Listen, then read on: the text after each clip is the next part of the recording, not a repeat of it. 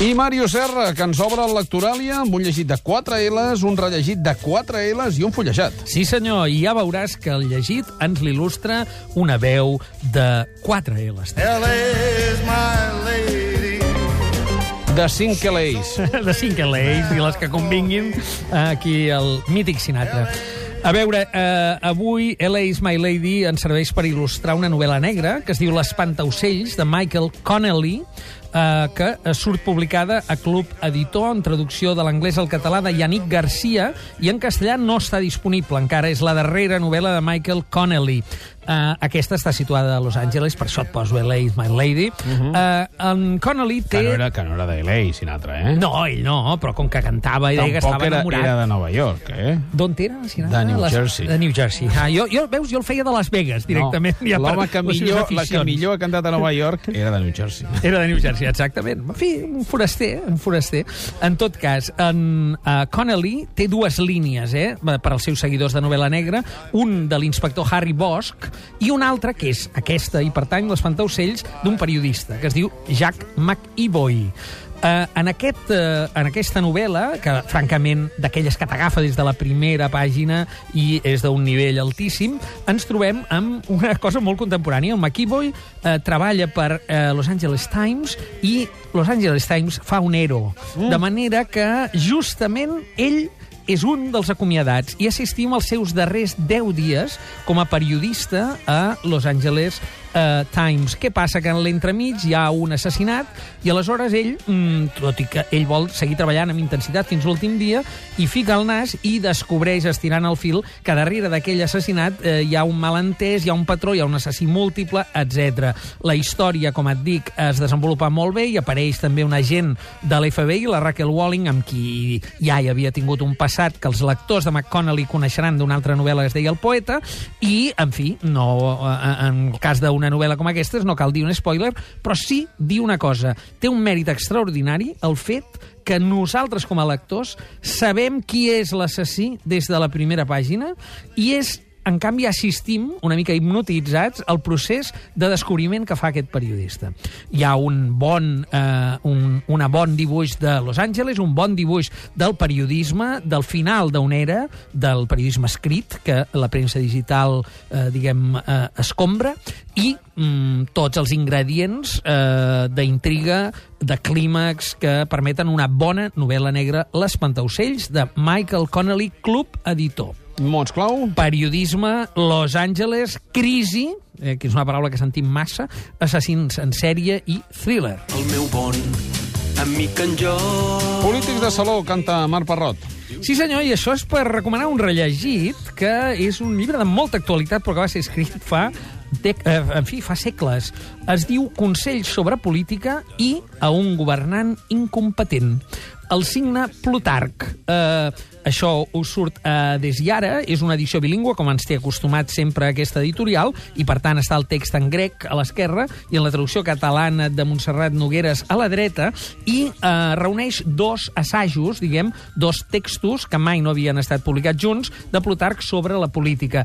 Eh, és interessantíssima les reflexions que fa en l'època de l'àgora grega, on neix el concepte justament de, mm, de res pública, de, de, de, de, la, de la gestió de la cosa pública, perquè aquí està parlant sobre aparença, sobre retòrica, sobre cre- credibilitat, sobre quins discursos són eficaços i quins no, eh, i ho anem veient i diem, carai, tota aquesta colla d'assessors d'imatge i de, diguem, gabinets que assessoren els nostres polítics, que ara els tenim tots en campanya, eh, potser estaria bé que es fixessin en la tradició que ve de eh, l'antiguitat grecollatina. I, per tant, aquest Plutarc, el pare de la historiografia, també, eh, ens dona aquí una lliçó i un llibre totalment contemporani Mots clau? política, imatge també, retòrica, diferència entre públic i privat, que és molt subtil i s'analitza molt bé, i finalment, òbviament, Grècia i Roma.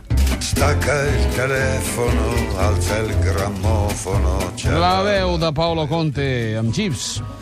Sí, senyor. Aquesta cançó, eh, Paolo Conte la va dedicar justament al personatge que protagonitza el llibre fullejat d'avui, Jeeves, que és un mític majordom eh, de, PD, de PGA Woodhouse, aquest autor anglès que ha fet les delícies humorístiques de moltes generacions. Anagrama publica ja el segon volum d'un òmnibus GIFs, que vol dir tres eh, novel·les reunides, De Acuerdo GIFs, Júbilo Matinal i Adelante GIFs, en traduccions de diversos autors, perquè cadascun és eh, diferent, no? però totes tenen en comú un sentit de l'humor blanc, allò que eh, després Tom Sharp es va dedicar a desmentir Sí. des del seu humor molt més estripat, però allò que antigament enteníem com humor anglès. Per tant, Omnibus GIFs, una lectura entranyable, diguem-ho així. Woodhouse. A l'actualia d'aquest any sempre convidem actors, ai, actors, eh, autors Autors, sí, i senyor. autores catalans que ens eh, marquin quines són les seves preferències literàries. No cal que publiquin obra immediata, però eh, també volem saber què estan fent eh, en la seva pròpia carrera professional. Najat El Hashmi, molt bon dia.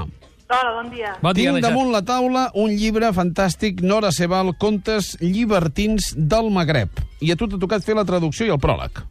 Sí, bueno, m'ha tocat més que res que vaig acceptar la proposta perquè van ser uns contes que em, que em van encantar i que, i que m'ho vaig passar molt bé, són divertidíssims. Mhm. I precisament és una de les recomanacions que us volia fer, encara que és una mica incòmode recomanar un llibre que tu mateix has traduït, no? Home, Però... vol dir que, que tu has llegit i que t'ho has passat molt bé, a més a més. És la Sí, lectura perquè- més profunda, la traducció, i tant. Ah, perquè, a més a més, jo no, vull dir, jo no faig de traductora normalment i, i, i era, una, era una experiència nova per mi, però us puc assegurar que va ser un llibre que me'l vaig, el vaig agafar quan em van enviar l'original i no parar de riure des del principi fins al final. Uh -huh.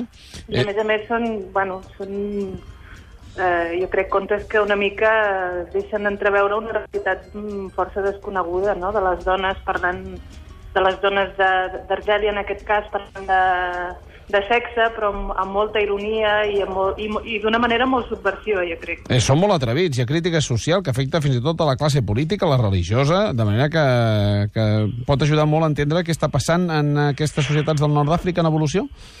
Bueno, això és el que diu una mica la, la, la, la, el, el pròleg en francès, però jo crec que són més amens i més entretinguts que, que no pas això. Bé. I que toquen alguns temes, com és, per exemple, el, el poder que tenen uh, doncs, els tàlids, no? els, els, uh, els savis de la religió i que, i, i que sí que una mica doncs, subverteixen aquest ordre, però és, és més un, són més contes mm, que tenen la finalitat d'entretenir el- Molt bé.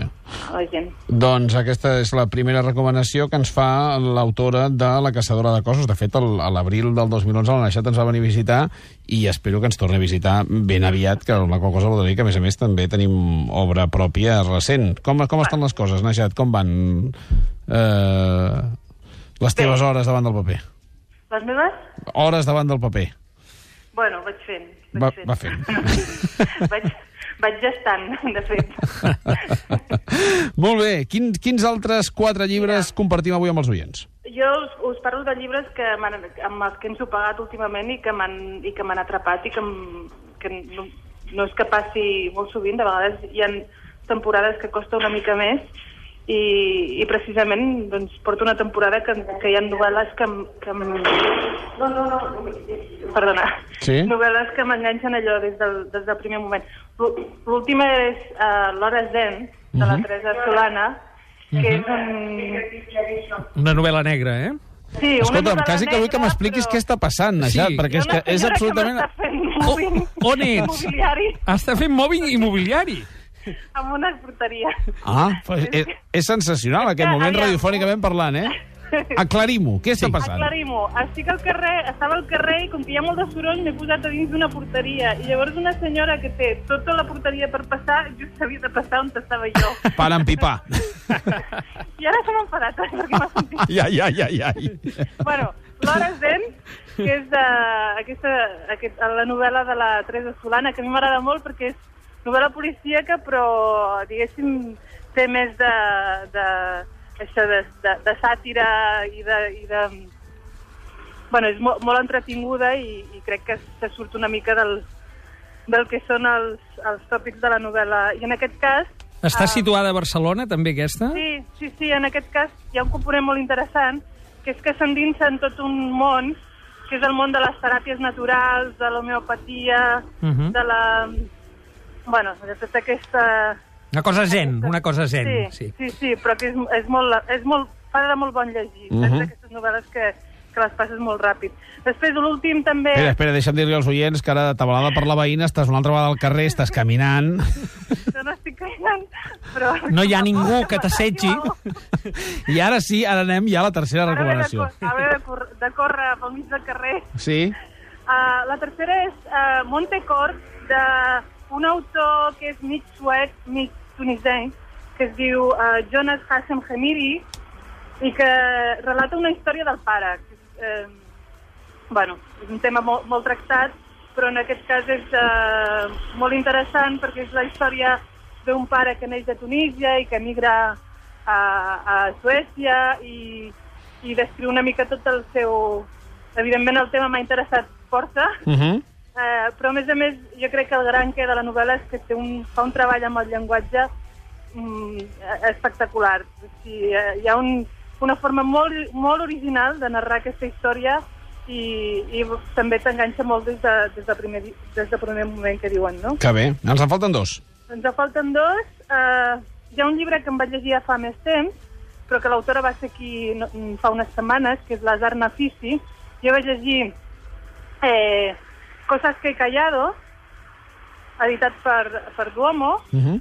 que és una mica les, les memòries d'aquesta uh, d'aquesta dona que havia donat classes de literatura a, a Teheran i, bueno, una mica el, uh, les, les seves memòries i ara tenia pendent de continuar amb la primera novel·la que ella va, que ella va, va publicar, que és llegir Lolita a Teheran, que jo la, la, la tinc pendent, no? Molt bé.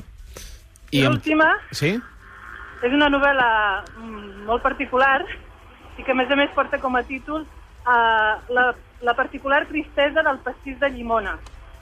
Caram. És d'una autora americana que es diu Aime Bender i és un, la història parteix d'un moment molt concret en la vida d'una nena de 9 anys que tasta um, un pastís de llimona que la seva mare li fa pel seu aniversari, descobreix que no té el mateix gust que, que havia tingut sempre, sinó que d'alguna manera, a través del, del menjar, i començant per aquest pastís, ella eh, pot, del, pot eh, experimentar les sensacions que tenen i els sentiments que, que tenen els, els diferents membres de la seva família i la gent que té al voltant. Saps que la, el menjar normalment mm, està, el relacionem molt amb, amb segons quines, quines emocions, doncs en aquest cas és una cosa molt més, molt més concreta, no? Vull dir que no és, no és una cosa més, tan, tan metafòrica, sinó que realment el que li passa és que cada cop que tasta segons quin menjar, doncs sent Mhm. el que estan sentint els altres... Eh, les, les persones que té al voltant, no? Doncs aquest me l'apunto, eh? Aquest, aquest serà la, la primera recomanació de, la, de les que m'has dit que, que agafaré. Per, per l'ordre, començaré per aquesta. Molt bé. Gràcies, Molt bé. Najat. He sentit una moto de fons. Imagino que estàs bé, eh? No, no, estic bé, ja em sembla que la senyora ja deu... La senyora ha quedat enrere. T'esperem a... Era, incre- era increïble perquè hi havia una, és una porteria molt gran Sí. i jo just estava un raconet i ha vingut i va... És que et trepitjaré. I, Ai, ai, ai. T'esperem ben aviat al programa, Najat, un petó. A reveure, Najat. Moltes gràcies. Gràcies, Bé. eh, Màrius. Fins la setmana entrant. Fins la setmana entrant. Petita pausa, ens esperen les pantalles i els problemes domèstics.